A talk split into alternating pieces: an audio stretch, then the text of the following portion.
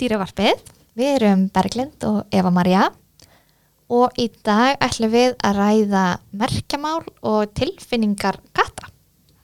upp á allstýri mín Næst upp alveg stýri mér. en þátturinn í dag er í bóði dýravinnur.is. Þau bjóða upp á stafrænar myndir af dýrunum okkar. Þau hafa verið með myndir af hundum og köttum og kanninum og alls konar fínu. Getið fengið fleiri en eitt dýr og eina mynd sem er mjög snutt þegar þú átt fleiri dýr og vilt ekki fylla vekkina af, af stökum myndum. Svona, ég díla við það vandamál hjá mér. en ég hveti ykkur til að kíkja inn á dýravinnur.is og þið fáið 15% afslátt með kóðanum dýravarpið.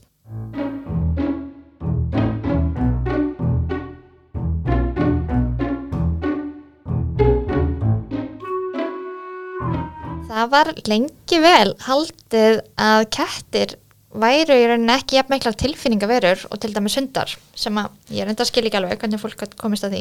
En við veitum í dag að kettir eru miklar tilfinningaverur og tengjast eigendunum sínum til dæmis mjög djúft og geta tengst öðrum kísum og bara öðrum dýrum mjög mikið. Og það er auðvitað mikilvægt að kunna að lesa svolítið í tilfinningar kattan okkar og kunna þess að lesa þeirra merkjamál til að skilja hvernig þeim líður alveg eins og það er mikilvægt í hundunum okkar. Að lang flestir hundægendur eru búin að kynna sér svolítið merkjamál hunda. En mér finnst það stundum vera svolítið ábútafant að fólk sé búið að kynna sér merkjamál katta og skilja bara svona þeirra helstu tilfinningar hvað þeir upplifa og hvernig þeir sjá lífið. Þannig að við ætlum að fara svolítið vel í það núna í dag. Er það ekki líka bara því að fólk er ekki alveg úst, það er frekar nýtt að hafa kísur á heimilinu sem svona heimilistýr. Jú, Þannig að það er miklu, það er miklu nýra að þeir séu svolítið svona kúri, kúridýrin og svona en ekki bara veðandi mís og, og sinna sínu og, og fara bara út þegar þeim hendar og vera sjálfstæðir. algjörlega, algjörlega. Þannig að mikið fleiri byrjar að vera með inni ketti og svona. mm Já. En til að við getum lesið í tilfinningar kanna þá horfum við bæði á þeirra merkjamál og þeirra hegðun og ef við bara skoðum aðeins hvernig kettir skinja heiminn til að byrja með sem er náttúrulega grunnurinn aðeins öllu sem að lætur þá upplifa þessar tilfinningar sem við viljum svo horfa á er að þeir skinja áriði aðalega með sjón, leikt og ljóði. Og út frá því mynda þeir tilfinningu sem að byggist á bæði bara skapgerð kattarins, við erum með mismunandi bara persónuleika, eh, byggist líka á þeirra fyrir reynslu í lífinu og þeirra helsu. En svona til einföldunar þá langar maður að skipta þessu bara upp í neikvæðar og jákvæðar tilfinningar. Og eins og ég segi þá er ég reyna að halda þetta, halda þessu svolítið einföldu. Já, til þess er ég. Þannig Já, sé að þannig, þannig að ef að skilji Nei. Nei, ég, ég hef alltaf gaman að læra hann á kísur. Ég var náttúrulega erfitt með að, að lesa þær en mér er líka gaman að fýblast í. Já, ég held líka að grunnurinn að því að ná að tengjast kísunum svolítið vel Mm. sé að skilja þér og mjög margir eigendur þekkja bara akkurat sína kísu rosalega vel en Mm. kunna kannski ekki að lesa aðra gæti mér finnst það mjög krúllegt Ég líka elskaði mig þegar maður kemur inn á heimili og kætturinn kemur til mín. Þá er ég bara, ó, ég er svo sérstök. Já Þá er hann leitandi eins og við ætlum að fara yfir eftir En nei, hver tilfinningar eru aðalega hræðslu og pyrringur og að sjálfsög líka sársöki líkamlegur og andlegur en við ætlum ekki að fókusa það í dag við ætlum að fókusa á hræðslu og kvíða og pyrring og jákvæð tilfinningar eru þá leitandi hegðun og bara kísi sem er sáttur Ó. content Þannig að ég fekk jákvæða hegðun hérna. Já, En þegar þú segir leitandi, hvað meinar þau? leitandi hægðin, það er sem sagt, Vill hann eitthvað frá mér sem sagt þegar ég kem inn? Já, í rauninni- leitandi og svona sátt hægðun hjá köttum er, þú veist, þetta er það sem við viljum sjá hjá kissunum okkar. Leitandi hægðun er þessi þörf til að vera rannsaka og skoða og finna svona mikilvæga hluti í kringum sig, mikilvæga að mati kattana. Þeir eru að reyna að finna sér eitthvað svona sem að verlunar þá eins og að leita bara, þú veist, það getur verið löfblað út að fjúka eða fugl til að veiða. Þetta er einhver svona innri kvati sem þeir hafa til að finna sér eitthvað og þetta er svona byggjast bara á svona þeirra áhuga og forvitni í lífinu og þeir eru bara svona úti og, og hérna svona dunda sér svolítið. En hegðin sem við sjáum hjá leitandi köttum sem eru í því hugarástandi er til dæmis kísi sem að kemur hlaupandi til eiganda síns þegar hann kemur heim eða er að byggja um aðtikli frá eigandanum sínum eða frá einhverjum öðrum. Um, hann getur verið að leita sér að mat eða hann getur verið að búast við því að það sé að fara að koma matur til dæmis sem hann fer alltaf að borða sama tíma eða hann fer alltaf svona smá bita að vera elda og svona og hann getur verið að veiða eða að leika sér. En sáttur kísi, kísi sem er að upplifa algjöra afslöpun. Þetta er eitthvað sem hann upplifir þegar öllum hans þörfum hefur verið synd og hann upplifir mikla velíðan þegar hann er í þessu ástandi. En til að komast í þetta sátta ástand þá þarf hann að vera nægilega örfaður, andlega og líkamlega. Það er engin samkeppni í gangi, til dæmis ef hann býr með fleiri dýrum, þá er hann ekki í einhverju keppni við þau. Það er ekkert nálagt honum sem að stressa hann upp og hann er ekki þeistu svangur, kvalinn, slasaður, stressaður, pyrraður eða eitthvað svona. Þannig að þetta er svona freka basic, bara þessar jákvæðu tilfinningar hjá kísum. Og hvað er vonandi bara sultu slagur í, í bælinu sínu Já, getur verið það, eða bara kúra einhver staðar í rólehettunum. og malandi. Já, og við förum aðeins betur einmitt yfir nákvæmlega hvernig þeir eru á eftir. Mér langar fyrst aðeins að fara yfir þá neikvæðar tilfinningar sem er þá fyrsta lagi hræðsla og kvíði. En hræðsla, það eru svona snögg og mikil viðbrögð frá kísunni. Þar sem að kísan er raunverulega ekki örug, það er eitthvað virkilega hættulegt sem er í kring. Á meðan kvíði er þegar kísinu líður eins og hann sé ekki örug en það þarf ekki að vera raunverulegt bak við það. Þetta er meira svona langdregnari tilfinningar, ekki alveg ekstrím og getur verið bara yfir lengri tíma. En vandamáli okkar er náttúrulega að við getum ekkert bara spurt kísu bara hei, þessi hundur fyrir fram að þig, þekkir hann? Þú veist, veistu að hann er að fara að býta þig? Veist, sem að væri hræðsla eða, veist, eða ertu bara almennt kvíðin í kringum hunda út af því að þeir gætu almennt hugsanlega gert eitthvað við þig. Það er kvíði. Þannig að við vitum ekkert hvort að kísa sé endilega að upplifa kvíða eða hræðslu og þess vegna tölum við oft svolítið um þetta saman og það er alltaf svolítið grátt svæðið þannig að milli, þetta er ekki alveg svartkvitt. Þannig að langvarandi kvíði hjá kísum getur breyst í hræðslu vandamál. Nú kemur salfræðingurinn Berglind fram. Og mennstæmi. en bara svona til að koma þess aðeins í hérna svona okkar dæmi er að þú er kannski sofandi heima hjá þér en þú vaknar upp við læti og þú fær fram og sérð að það er komin innbrotssjófur sem er vopnaður. Þú verður alveg skítrætt. Þú bara, þú upplifir mikla ræðislu, svitnar, hjarslátturinn slæraðar og það fer ekkert fram hjá neinum að bara maður er hrættur þarna. En svo heldur lífið áfram og þú ert bara heima að reyna að sopna eitthvað skvöldi en þú ert samt að upplifa kvíða. Þú ert að upplifa í rauninni svona sömu tilfinningar og þegar varst svona hrætt. Þannig að þú þorir ekki að fara að sofa þótt þú vitir að ég er enginn að brjótast inn akkurat núna og því að það er þessi mögulega hætta sem er nóg til að valda eða kvíða. Þannig að svona erum við í rauninni í þessum tætti að horfa á mismunin á milli kvíða og hræðslu. Bara til innföldunar. Þannig að hræðsla er yfirleitt að þú færð rætt frá því að vera bara svolítið tjöluð í að verða mjög hrætt á meðan kvíði er svona langvarandi ástand. En það er mjög margt sem að geti valdið kvíða hjá kissum. Því meður, þeir eru svolítið viðkomar en það er til dæmis bara það að búa með öðrum kissum eða búa með hundum eða búa með sumu fólki. Það getur verið hvernig við erum að snerta kissun okkar á klappinni. Um, það getur verið ferðalög og þegar hún er sett í búr fyrir ferðalög eða bílferðir. Það getur verið livjögef ef að kista þarf að lifa hverjum degi og við þurfum að tróði hana, hana, pillu eða eitthvað svo leiðis og auðvitað dýralækni heimsóknir Woohoo! Já Þannig að það er, þú veist, og þetta er ekki tæmandi listi það er ansi margt sem að getur valdið þessu hjá þeim En En- skemmtilegt að segja frá því að ég var einmitt að fá hérna köttin sem að tengdavaldurinn mínir eiga Já, í heimsókn í dag, í dýralækna heimsókn. og hvernig fannst það nú? Hann fer aldrei inn í búr heima á sér. Það tekur alveg tíma að fá hann inn í búr. Og svo þegar hann er komin til mín þá fer hann ekki úr búrinu. Já, Þannig að maður passa sig með að opna efra, partin af búrinu til þess að þurfa ekki að þvinga hann út úr búrinu. Og hann er rosalega góður hjá dýralæknum.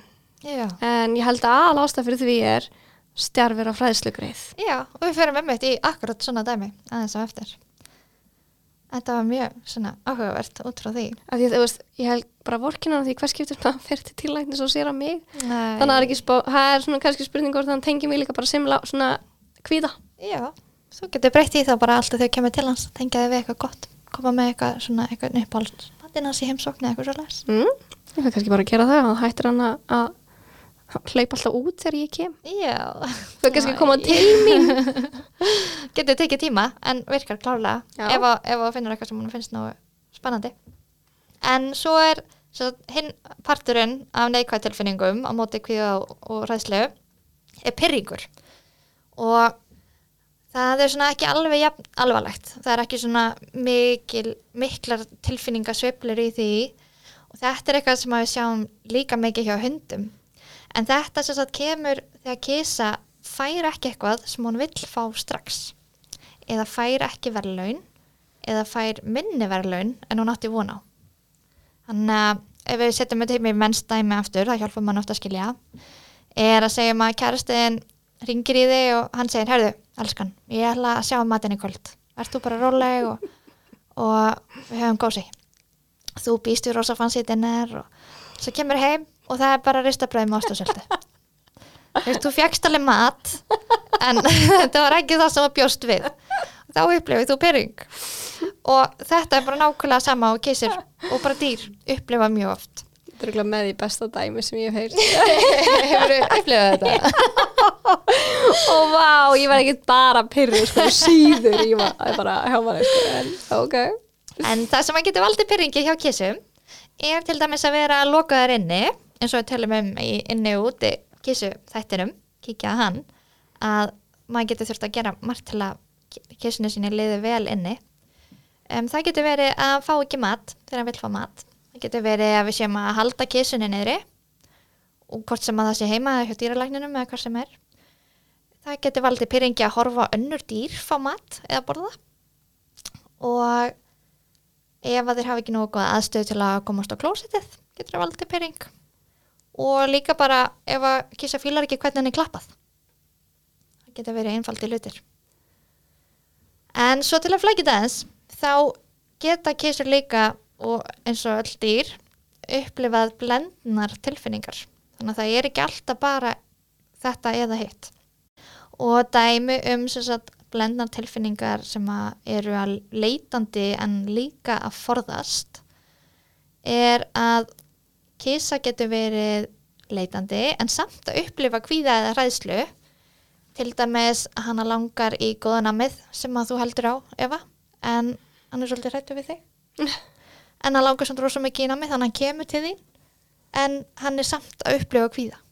En líka svona, veist, ef hann kemur til mín og mér langar að fara niður á klappanum og hann svona fjarlæðist er það ekki þá sama dæmi? jú, Svona, hún langar að þefa mér en ekki snerta mig. Já, einmitt, þetta er bara svona smá svona konflikting tilfinningar og þetta getur valdið smá kvíða hjá kissum ef þetta er langvarandi og því að þær eru alltaf svona, veit ekki alveg hvar, hvernig þeim líður. vanalega leifi ég þeim vill bara að koma og þefa mér og þanga til að byrja svona að nutta sér upp í mann þá byrja maður kannski að fara niður að klappa þeim. Já, og þá einmitt kom líki það eftir, hvernig klapparu. og það eru leiðbynningar við því líka en þetta var svona leiðbynninga þáttir lífsins inn í dag hjá. ég bara, ég og Kísir eigum eftir að bestu félagar Já, ég vona það. Kissir eru bestar. já, En kissi getur líka verið hrættur og pyrraður á sama tíma. Þannig að kissan er kannski hrætt langar að komast í örugt skjól undan því sem hún er hrætt við. En kissan kemst ekki í örugt skjól og verður þá pyrruð út af því. Þetta er til dæmis alveg típist hjá kissum hjá dýralækninum.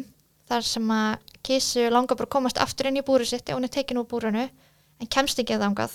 Og út af þessari tilfinningu þá bregst kísan við eitthvað aggressíft og fer að hvæsa eða, eða klóra eða svo les og það er einmitt mjög mikilvægt ef að það er hægt að vera með búr sem að opnast svona ofanfrá.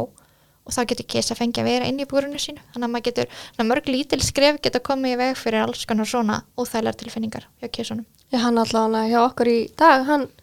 gerði ekki neitt, hann leiði okkur að taka Já. blóðpröfu og allt, en við gerðum þetta í búrinu, í örugga umhverfinu hans. Ömmit og þá er það líka svona smá að fá að fjela sig. Já, hann alveg fekk að hjúra sig fyrir teppið, þannig að maður var ekki að þvinga hann í aðstæðan, hann var ekki alveg tilbúin að fara í, Já, en samt að gera neðsuleg hlutina sem þarf að gera fyrir hann greið. ömmit Og gott að segja fyrir því að hann kom bara helviti vel út, 12 ára, 12 ára kísi. Tílir Já, En svo þriðja dæmið að ofan á sem sagt að vera leitandi og að forðast eitthvað getur verið hrættur og pyrraður og þá þriðja dæmið að vera leitandi og pyrraður. Þannig að kísa til dæmis nálgast mannesku og vill fá klapp eins og þú ert að tala um. Svo manneskjan en að klappa kísinu á höfðinu og klóra bak við eirun og kísa finnst þetta rosa gott. Svo heldur hendin áfram niður bakið og byrjar að klóra við skottrótina. Þetta er eitthvað svona við fólk að fyrir alltaf einhvern veginn, akkur fer það alltaf ég sver ég gerði þetta öruglega. En þá allt í einu var kísi rosa pyrraður og klórar kannski manneskina og þarna verði fólk oft mjög hissa bara, vá, hann var að byggja um klór svo bara snappa hann alveg upp á þurru. En þetta er eitthvað sem hann hætti að koma í veg fyrir með að skilja kísina aðeins betur. Kísa vildi fá klapp, hann var að byggja um klapp bara ekki þarna vildi láta klóra sig bak við eirun og hann fannst það gott. Það mætti halda að þú hefði verið að fylgjast með síðastur ég var að klappa kísu. þetta er svo algengt þess að það setja í þetta dæmi. En svo eru semur kísur sem að fílalega láta klóra sér við rófina sko, en hérna að að þú byrjar að klappa stundu í róna það verða svona Sumir fíla það, svipinn hata. og það verða bara svona stífar eins og þetta sé bara eitthvað geðveitt gott. Mm. en svo maður er þetta það býta mann eða svona ekki býta býta en svona Já, klóra. þá var maður kannski bara aðeins fara nefið þeirra mörg og þau voru ekki að fíla akkurat það en fíluðu það sem varst að gera fyrst eða bara langar í klór og þú ert bara ekki að skilja hvernig þau vilja fá klóru sig En það er einmitt máli, hvernig lærum við að þekka þessar tilfinningar? Hvernig, hvernig getum við séð á kísinni, já, hún fílaði að láta klóra sig þarna en ekki þarna, hvað erum við að horfa á? Þannig að þá þurfum við að horfa svolítið á hægðun kattarins og þá er ég að tala um ítarlega lýsingu á hægðun kattarins. Ég er ekki bara að tala um til dæmis ef að, ef að maður spyrir, ok, grúmar hann sig, eða að sleikjar hann sig til að þrýfa sig og svona. Og þú segir bara já, það segir mér ekki neitt. Þannig að ég er að spyrja, þú hvar grúmar hann sig, þú veist, hversu oft, byrjar hann alltaf á sama stað, endar hann alltaf á sama stað, þú veist, hvað þrýfur hann sig lengi, er hann að bara grúma sjálfan sig, er hann að grúma aðra, um, gerir hann þetta alltaf á sama stað, er hann mjög grófur, við erum alveg að fara út í algjör smáadriði í hegðun. Og svo horfum við líka á merkjamálið og þar erum við að horfa á svipbreyðin og kettir sín alveg mikil svipbreyði, þeir eru ekki með mjög ykt svipbreyði eins og hundar, þeir eru með miklu fleiri í andlitinu en kettir, en þeir sína samt svipbreyði og maður getur lært að þekka þau. Og þá sérstaklega þe- þegar þeir eru reyðir og við horfum á svona almennt á líkamsbeitinguna og breytingar svona á ákveðnum stað á líkamannum og þá er ég svona aðalega að tala um eirun og rófuna sem er svona auðveldast að horfa á hjá kísum. En til að þekka þetta allt í sundur þá langar maður þess að fara aftur yfir við kannski skellum smá myndum inn á Instagrami okkar. Eins og, eins og mynd af típiskum reyðum eirum Ég væri líka til í bara myndaþráð þar sem að fólk setur bara mynda kissunni sinni í ákveðum aðstæði með vídeo og við getum eftir okkur að analysa hegðunina. Endilega setja vídeo, skella inn á, á dýravarpið. Já, Facebook síðan okkar. Já, nákvæmlega. En ef við tökum bara dæmi, bara byrjum á til dæmis leitandi köttur. Hvernig væri hann að haga sér? Þá horfum við fyrst á, ok, hvað er hann að gera? Hann getur verið að veiða, bara úti að leita sér að einhverju að veiða. Getur verið að leika sér inni eða úti. Hann er hugsanlega að byggja um aðtikli eða að byggja um mat og hann er gjarnan að rannsaka umhverfið sitt. Þannig að þetta er svona kísan sem er bara út á rúndunum sem við sjáum yfirleitt svona, svona út um allt þessi er gaman en það er mjög mikilvægt að kísur hafi tækifæri til að gera þetta allt. Og einmitt ef að þú ert með kísuna hérna inni eins og við tölum um í inni út í kísi þættinum að þetta er akkurat það sem var verið að tala um. Við þurfum að veita um tækifæri til að gera allt þetta inni ef það komast ekki út. Og þetta er merkjum að kísin sé að upplifa jákvæðar tilfinningar. Þannig að ef hún fær ekki tækifæri til að gera þetta þá er þetta í rauninni helmingurinn af því sem að kísan þarf til að líða vel. Það er mjög mikilvægt að haldi það en líkansbeitingin hjá kísum sem er leitandi sem eru leitandi um, fer auðvitað eftir hvað hann er að gera. En yfirleitt snúa þær sér að því sem þær eru að skoða. Þegar þær byggjum aðtikli eða mat þá mala þær gerðnan og þetta mal er svona, þetta er mal sem er sérstaklega í þessari hægðun þegar þær eru leitandi. Þetta er miklu hraðara mal og það er skrækara en svona kósi mal og eigundur lýsa þessu mjög oft sem freka pyrrandi mali, þetta er ekki svona ó, svo notalett hljóð svona brr, brr, eitthvað, þetta er svona að ég, ég ætla ekki að leika Jú, ég ætla að leika þetta er það. Brr, brr, eða brr Nei, þetta er með svona brr, brr, svona, þannig hljóð. Og hérna, og mjög svona snögt og svona stutt svona, og snögt Þetta er svolítið svona frekt mal, ef við getum orðað það og þannig þetta er það sem að þeir eru svona leitandi og vilja aðteglina frá en það er nefnilega málið að þeir eru að gera þetta til að fá aðtegli og til að fá það sem þeir vilja fá. Þannig að ef þeir eru bara að vera kósi og notalegir þá erum við ekkit endilega að fara að pæli þeim nema kannski horfa á hvað þeir eru sætir. En þannig er maður alveg bara, já já gaur, hættu. Hvað, hvað þartu til að hætta þessu? Þannig að þetta virkar oft mjög vel. En svo líka var ég að komast það um daginn bara að hérna mal er ekkert alltaf jákvæmt algjörlega og hérna algjörlega og þeir, þeir geta malað í alls konar aðstæðum og það eru bara biljón útgáfur af mali. Þú Og- kannski leikur nokkrar fyrir okkur hérna. Hvernig er pyrrandi mal já, það er þetta er pyrrandi mal Nei, hérna, ég, ég heyrði mig bara um daginn að hérna, Mhm. eins og þeir eru stressaði, stressaðir eitthvað svo leiðist, þá geta þær byrja að mala. algjörlega og bara ef þeir eru rættir og í alls konar aðstæðum. Þetta er eitthvað sem Og- ég hef ekki hugmynd um, maður er alltaf einhvern veginn tengt að mal sé gott, nei, en en þarf ekki alltaf að vera. fólk er oft mjög klárt að þekkja malið í sinni kissu og veit bara nákvæmlega hvað ég vilja alveg eins og við þekkjum hérna gæltið í hundunum okkar meist það ótrúlega gröllett Eða þú unga barninu, hvað þú já, já, nákvæmlega hvað, hvað það vil. já. en kísur geta farið mjög hratt frá þessari leitandi hæðun og í að vera pyrraðar þannig að kísur til dæmis byrja að koma til eigandans og nutta höfðinu svona að þeim og svona í kontaklóraði mér eitthvað svona og svo allt í einu er svona nuttið orðið miklu svona grófara og harðara og miklu svona örara. Þá eru orðinni pyrraði bara svona, hörðu, gaur, mér vantar eitthvað og þú ert ekki að líða mér. Og svo kemur kannski malið og svona, þetta er hérna svona fín lína þarna á milli. Og þannig að maður getur verið vakandi fyrir því að ef að kissamanns er í svona sína leitandi hægðun og þá getur verið stutt í pyrring þá er það ofta að byggja mann um eitthvað. Það er litla frikindúsir. Já. En sáttur kissi, hann gæti hæða sig þannig að hann er bara mikið að pæla svolítið í sjálfum sér, fylgist rólega með því sem er að gerast í kring, hann er vinalegur, slagur, blikkar hægt og auðvitað bara drekkur og borðar, grúma sig, sefur og reyfi sig á eðlilegan hátt. Þannig að þetta er bara mjög mikil afslöpun. Og þeir, þegar þeir eru liggjandi, það liggja er oft svona hlið og maður getur séð í magan á þeim og malið er svolítið svona tillat. Það er hægt og svona kósi og notalegt að hlusta á það. Er það svona, Já, já.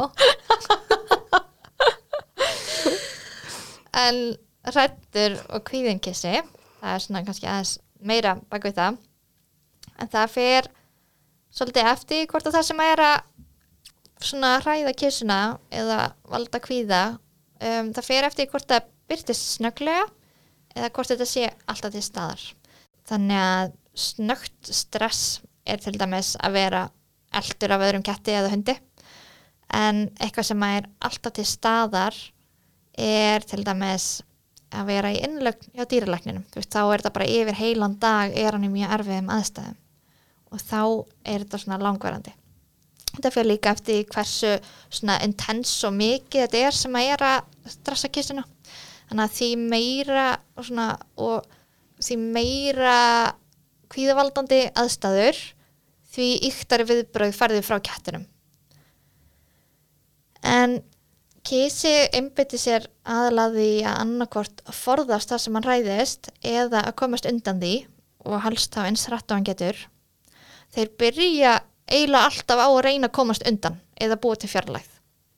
Þeir reyna næstu því allt til að gera það áður en þeir fara í að ráðast á mann. Þannig að mjög sjálfgeft að kísir ráðist á mann alveg upp á þurru.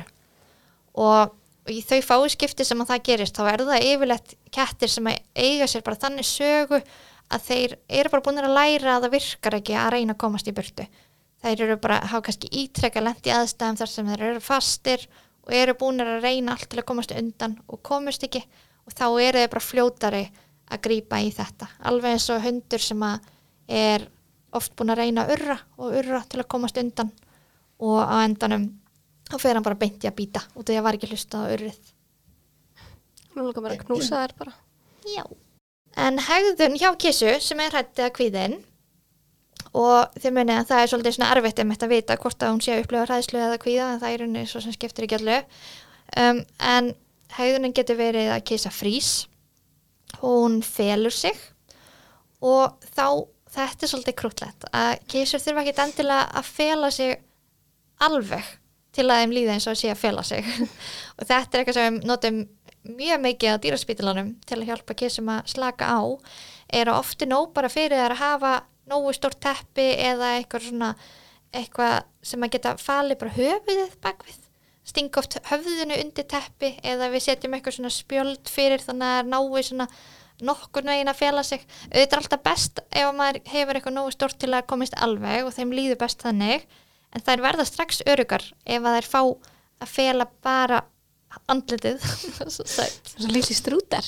Já, en kisa sem er rættið að kvíðin hún, og er náttúrulega þá ekki að fjalla sig hún fylgist rosalega grannt með öllu í kringum sig, hún er ekki bara svona pæli sjálfur að sér og, og svona grúma sig svona hér og þar og sleikja sig og, og, og krútast heldur er hún alveg bara starir á umhverfið, hver einasta hreyfing hún tekur eftir því og er í raunin að fylgjast með breytingum og hvort það er eitthvað sem að kísan þurfa að gera til að veist, komast frekar í burtu, þú veist, er, er eitthvað að breytast þannig að ég þurfa að komast snögglega í burtu núna, hann er alltaf tilbúin og bregður mjög auðveldlega og hún reynir sérst alltaf að hafa eins mikla fjarlæg hann getur á milli sín og því sem hann er hætt við. Og þegar kísa vil komast undan í svona hvíða eða hræðslu valdandi aðstæðum þá hreyfa þær sig rosalega hægt eða hlaupi í burtu eins rætt á að geta. Og það hafur allir séð þetta þegar kettir til dæmis smætast og eru svona, það er svona kortir í slag þá einhvern veginn þetta er, svona, þetta er oft kallað moonwalk þeir lappa svo hægt og þeir eru bara, þetta er rosalega svona ákveðið og þeir bara reyfa hvern einasta útlinn bara ótrúlega hægt og vanda sig svo mikið og þeir eru næstu því bara svona eins og sé að reyna að hverfa bara án þess að neitt takja eftir því. Svo um leið og þeir eru komnir í nógu svona öruga fjarlægð þeim líður eins og í sortni aðeins örugari þá yfirleitt taka þess brettin þannig að en ef að þeir ef þeim líður þess að geti bara strax sprett í burtu þá gera þær það. En stundum þá byrja þær á þessu svona moonwalki og fara fyrst svona hægt Það er svo krútlegt að ég veikina það alveg að sjá þetta stundum. Já, að, þú veist, og svo líka talar oft svona saman. mm -hmm. Mjálmandi ákveðn annan og, og gepp hirrar. Já, já, já Og svo að þetta flestir hafi vaknað við svona kattaslag Já, já, já. en þetta, ég veikina, þetta er alveg pínu krútlegt að sjá þegar þið er að labba svona hægt. Næ, En það leiðir þetta aðstæðunar séu þannig. En kísa sem að er að upplifa mikla ræðslu eða kvíða, hún hættir að borða og drekka og oft að pissa og kúka líka. Uh, hún getur ekki sofið vel, hún leikur sér ekki og hún hættir að rannsaka, hættir að vera í þessari leitandi hegðun. Og þetta er eitthvað sem að maður sér til dæmis mjög mikið í svona sjeltarkísum og bara kísum sem er í pössunni eða kísum með dýraspítalanum. En kísa sem er kannski í þessu yfir lengri tíma þá sér maður þetta meira í að svona rútínan breytist. Þannig að kísan til dæmis hættir að borða venjulegum tímum, er ekki að borða bara svona öðru kóru yfir daginn, heldur fyrir hann að borða bara nóttinni þegar enginn er nálagt um, kísur geta verið skjálfandi og farið að anda hrætt og en svo eins og þú varst að tala um áðan Eva að þá geta kísur líka þá geta þeirra svona hræðslu viðbrað verið að sína engin viðbrað Mhm. þá eru við til dæmis með kísu hjá dýralækninum sem að leifi mann að gera allt en hún er samt rosalega hrætt Já, og maður þarf að fara rosalega valega með, í kringum svona kísur og því að það geta verið fljótara að færa sig yfir í að vera aggressívar. Og líka bara til að fara ekki yfir þeirra mörg að maður getur svo næstu því gefið sér það á dýraspítala að kísa er hrætt Já, það er mjög sjaldan allan að segja koma til okkar og eru mjög haminglisum Já, kannski kettlingar. En það er mitt líka það sem hann gerði mitt er að alveg bara hárin byrja svona að rinja af og Já, byrja mitt að vera svolítið stressaður sko. en sem betur fer en maður fer bara nú að valja að þeim og metur umhverfið þeirra og bara síniði virðingu já. þá hefur þetta hefnast alveg. Já, það er yfirleitt líka svo erfitt sko. Já, það er svo erfitt á dýraspítalanum út af því að þá er þetta eitthvað sem maður þarf að gera. Maður veit alveg að maður þarf að fara að sé við mörkin en það er gert fyrir keisuna en maður getur ekki útskipta fyrir henni. Nei, en þá er vel bara besta fyrir staðan alltaf bara reyna að gera svolítið svona eins og, og eins og við höfum lært á Algjörlega, ráðstöfnum Erlendis. Já. hvernig maður á að nálgast kísur svo mikilvægt. Já, en þegar keisu líður eins og hún geti ekki forða sér og hún geti ekki flúið og komist í burtu þá er ekkit annað sem þær hafa en að ráðast á það sem þær eru hættar við. Hef í því. Já, þannig að þá urra þær hvæsa og það geta með þess að vera svona spýta á mann. Og ef að þær eru mjög reyðar þá hikaðar ekki við að klóra og jafnvel að býta þannig að það er eins gott að fara að valega En því kattabit er alveg frekar slæmt. Já, í flestum tilfellum allavega. Fljótt að koma Já. að kattabit Hvort sem að sé kattabit á milli annara kísu eða okkur. Já, algjörlega. En langtíma kvíði hjá kissum, þá er hægðunin orðin aðeins öðruvísi. Þá, til dæmis, fyrstum sinn, þá kannski bara neytaðar að borða og drekka og allt það. En á endanum þá veist, neyðast þær til að byrja að borða eitthvað. En það er hætta, eins og ég sagði áðan, að veist, þetta hættar að vera svona eðlilegar matavenjur, einmitt, fara að borða bara nóttunni eða svona öðruvísi hægðun og á endanum þá verða þær bara svolítið veiklulegar og þær geta farið að vera með einkenni eins og uppköst og niðurgang og pissa út fyrir kassan og, og alls konar þakkfæri vandamál og svona overgrooming þar sem maður eru bara svona endalist að sleikja sig og sleikja jafnvel á sig skallabletti á sár.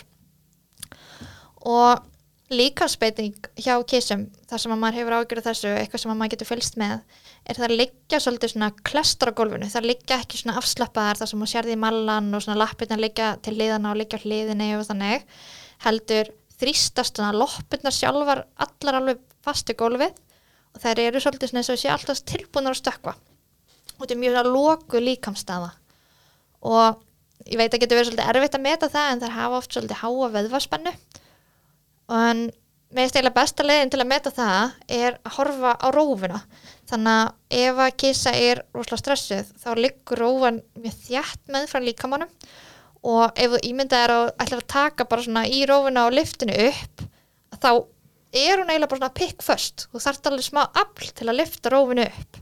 En ef að kissa er slög þá bara rétt svo þarft að reyfa veginu með litla putta og, og hún liftist upp. Þannig að þetta er oft svolítið góð leið til að sjá hvort að það sé mikið spenna í kissunni Grípa í róuna ekki grípi rófina Nei, fyrir ekki, lifta róunni en svo ef maður horfið bara á höfuðið þá geymar höfuðið svolítið svona nálægt búknum og svolítið neðarlega og þær snúa sér oft í burtu frá því sem þær eru hrættar við. Þannig að þá einmitt eins og þú varst að tala um að klessa oft svona höfðinu einhvert út í hotn Mhm. eða utan í búri sitt og þá er það er svolítið að reyna að fela sig. Já. og það gera sér litla, þetta er bara svona líka með verður allur svona það eru bara að reyna að gera sér eins litlar á að geta. Og eirun fletjast alveg niður. Það sér maður mjög mikið. Augun, þau geta verið alls konar. Það getur verið allt frá því að blikka oft og svona mjög ykt ég myndi segja að það væri kannski algengast en það geta líka svona lokað augunum rosalega fast ef þú fattir hvað ég meina. Það geta gemt augun svona halvlokuð eða verið með því alveg galopin og sjáaldrin geta verið svona dilated. Og svo það sem að maður sér oft hjá kísum sem eru að upplifa svona langtíma stress er að þetta er svona það eru fá eins og störu. Það er bara að manni líður þess að það er horfi í gegnum mann og þær eru mér finnst þetta rosalega sorglegt að sjá þetta. Er svona algjör svona blank augnaráð einhvern veginn, við viljum ekki sjá það í kissun okkar. Og svo auðvitað það sem að flesti þekkja ef að kissa verið hrætt er að svona kampurinn fyrir upp og það er slá ofta rófinni til, sérstaklega verður svolítið reyðar en því meira stress og því meiri kvíði og því meiri hræðsla því yktari viðbröð ert að fara að sjá Þú segir hún slæri róunni til. Já. Ertu það að tala líka um, þú veist, eins og þú ert með hund sem er hafmyggsamur, þá er róan alltaf fullu. Mm.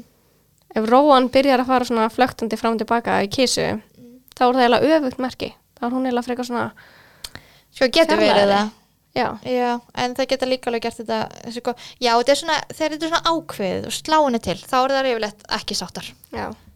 Þannig að já, emmitt, allt öðruvísi en hjá hundum Já, af því að þeir fara yfirleitt á, á fullt mm, Já, með skotti ef það er, eða just í flestum tilfellum. En svo pyrruðkissa sem er ekki þá að upplifa kvíða eða hræðslu, heldur bara svona pyrringur þá geta, eru svona viðbröðin þeirra eru svolítið að snúa því að auka líkurnar á að fá það sem þeir vilja, eins og við tölum um áðan. Þeir eru að mala snúkla pyrrandi og bara svona herðu, hugsaði nú um mig og, og hérna og geði mig það sem ég vil. Elska kissur en þessi viðbröð geta verið rosalega ykt þannig að þetta getur verið svolítið svona aggressív viðbröð, svona slá í mann eða eitthvað þannig. Um, getur líka bara verið að mjálma rosalega hátt og vera svona svolítið út um allt. Og ég held að mjög margir kissauðindi þekki þetta sem að bara fólk er bara svona, hún er bara að reyna að vera leiðileg þau svona segja þetta mjög oft, er kannski bara lappar um allt og er mjálmandi og svona. Og það sem að maður lendir líka oft í er þegar kissaði pyrruð er að hún lætur pyrringin svolítið bitna á einhverju öðru en það sem það er sem að er raunverulega pyrrana þannig að þetta sér maður til dæmis ef að kissa sér annan kött út um gluggan og er bara búin að vera í störukeppni þar og orðin svona svolítið pyrruð bara svona, þú veist, hvað er í burtu, hvað er þetta mín lóð og svo kemur eigandinn bara í sakleysi sín og ætlar að fara að klappa kissunni og þá snappar hann. Úlingur. En hvað myndir þú segja þá þegar þess að ég flest allir vídjónum, það er alltaf svo að fyndi, þeir sitja svona og stara á þig já. og svo byrjar að íta hlut af borðinu og þú ert bara eitthvað nei, nei, ekki gera þetta. Og kötturinn bara eitthvað svona Þetta er niður. mjög fyndið og því að það er akkurat næsta sem ég ætlaði að segja Nei. er að þegar kissið pyrrið þá fyrir nátt að færa til hluti Já. og geta jafnvel fara að skemma hluti reyna oft ef þeir eru í búri þá svona tróða loppin út og reyna að opna hurðin einhvern veginn um, geta fara að nutta andlitinu rosalega svona ákveð í allt þú veist, í hluti og í þig og geta fara bara svona að ráfa svolítið um og þetta er svona oft hægðun sem að breytist mjög ört, þú veist, er ekkert að gera neitt í langan tíma, þú veist, hún prófa bara eitthvað eh, nýtt ef að það sem hún er að gera virkar ekki. Mér liði bara svo sérst að lýsa eitthvað úling sko. Já, Þetta er alveg bara ótrúlega stutt í pyrrið, reyðina, lætur að bitna á öðrum heldur en hluturinn sem að veist, er, ert Hvernig úlingur varst þú eiginlega? Úlingar eru fínasta fólk. En, Já, hérna, en ef að kissa er að upplifa pyrring út af því hún er svona lokuð af, til dæmis bara ef að gluggi á milli þá er mjög típist að þið standa upp afturlappindar eða snúa rassinum að glugganum eða reyna að fara að býta í eitthvað ef það er eitthvað svona þegar það geta býti eða íti sér að því sem að er að blokka á milli. Þetta er svona eins og séu svona að reyna að tróða því í burtu. Og þeir geta líka sínt svona hegðun þar sem að þeir snúa höfðinu til og frá um, geta að fara að henda rófunni til. Þannig að getur líka bara verið pyrringur en ekki út af einhverju svona meiri reyði og það sem er mér svolítið áhugavert að skoða er að þegar kissa er hrætt þá svona límast eirun niður. En þegar hún er upplefa pyrring og það er búið að rannsaka þetta bara í stóra rannsaknum um, þegar það er að sína pyrring þá svona róterast eirun meira svona, svona til hliðana það fara ekki niður, heldur svona reyfast já, til hliða og Var það ekki svolítið stíf? Eirun. jú, ef það eru hrættar þá Já. svona límast þau niður og verða stíf en í pyrring þá svona róteraðar Mm. og já, fara mjálma mjög hátt var ég ekki búin að segja það Jó, við, við upplifum það stundum upp á spítalegi mitt. Já. En já, smá samantækt sem sagt, þannig að jákvæðar tilfinningar hjá kessum er að vera leitandi og þá er það þá er það að fá bara svona allt sem að þurfa að fá út úr lífinu það er þá sem að þeir eru að fá sína andlega og líkamlega örfun og eru svona bara svona á, á ferli. Svo þeir eru búin að fá næju sína af því þá eru það sáttar og eru bara heima að tjela og kúra. Og neikvæð tilfinningar eru þá helst ræðsla og kvíði eða pyrringur og svo getum við blanda þessu öllu saman. Já. Ég held að ég sé alltaf að læra töluvert á það hvernig ég á að, meta kísur og margt sem ég var alveg gert ránt. Já, ég held að bara það sé mjög algengt en það að- væri Eins og segja, þetta er, er ekkert svo langt síðan að það er byrjað að læra inn á merkjamál. mm Hjá svo er líka bara svo mikil einstaklingsmunur á milli kísa, það er ekkert eitt sem að ein kísa, þú veist, gerir eitthvað allt öðru sem önnur og maður þarf alltaf að horfa á einstaklingin eins og, eins og í öðrum. personabundi. Algjörlega, en þetta eru svona semur sameilegi faktorar. En svo lærir maður líka bara rosalega margt að skoða vídeo og fara yfir þau og það væri mjög gaman að hafa, fá okkur svona umræðir og, og skoða mismunandi myndbönd og þeir megi líka alveg bara posta myndböndum á netinu og getum farið í gegnum það saman. Já, en svo líka komir rosalega mikið einmitt af svona hjálpar hlutum eða tækjum, hvernig maður getur sagt þetta. Hjálpatækjum. meina ekki á þeim hætti þá var, var ég að tala um eins og að þær komi fóður og svoleiðis sem að er að hjálpa til við já, já, umhverfi. er komin sprey og, og úðakló og svona. Mhm. og við hefum alveg séð mikinn mun. Við notum þetta einmitt mjög mikið upp á, upp á spítala. Og Algjörlega. sérstaklega einmitt hérna, sprayin Já, og líka það sem að gera náttúrulega alltaf mest er að fara ekki of mikið að fókusa á svona quick fix heldur að skoða Já. bara umhverfi hjá kísunni. Veist, er eitthvað í hennar nær umhverfi sem er af aldinni langverandi kvíða. Þú veist, getur verið að henni finnist bara virkilega erfitt að vera á heimili með annari kísu.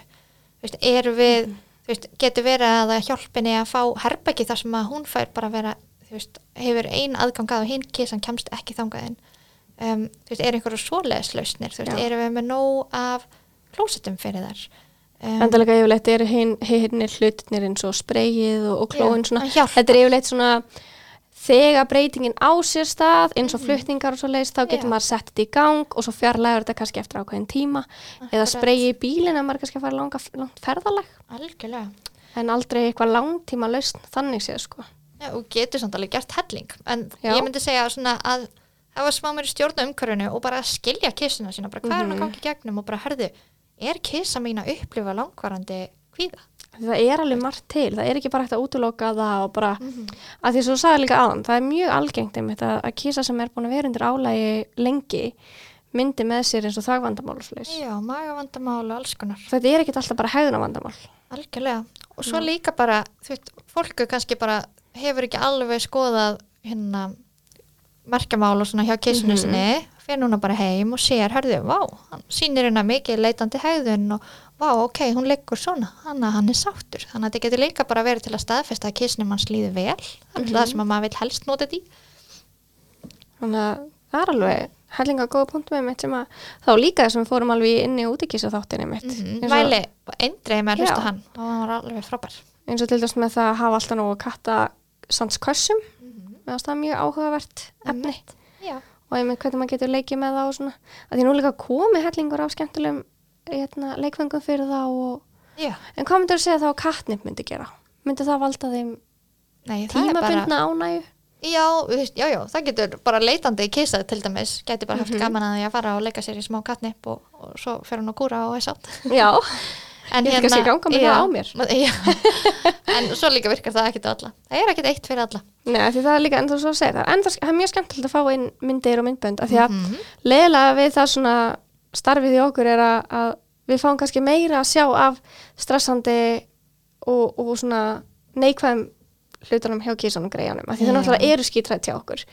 Þó þrátt fyrir það að maður reynir að gera allt sem maður getur til þess að, að gera upplifun og það reyn sjá hvað það hægt er en það er. Þetta gaman að fá að sjá um líka Já, þetta finnst mér enda líka mjög mikilvægt fyrir fó- fólk sem að vinnur á dýraspítalum Já. að skilja vel hægðun katta út af því að maður nær oft sérstaklega ef að keisur eru svona hjá manni yfir daginn maður þarf að gera mikið við þær maður er oft bara búin að bonda bara virkilega mikið með Mhm. kísunni sem er með manni allan daginn og hún er svona, maður sér kannski svona eftir því sem maður líður á daginn þá sér maður meira svona persónuleikan og, og svona það myndast smá traust og kísur eru ekkert vittlisar það skilja alveg að maður er ekkert viljandi að reyna að vera leðilur ef það komast svona yfir ákveðna yfir ákveðin barjér þá einhvern veginn hleypa er manni svona aðeins að.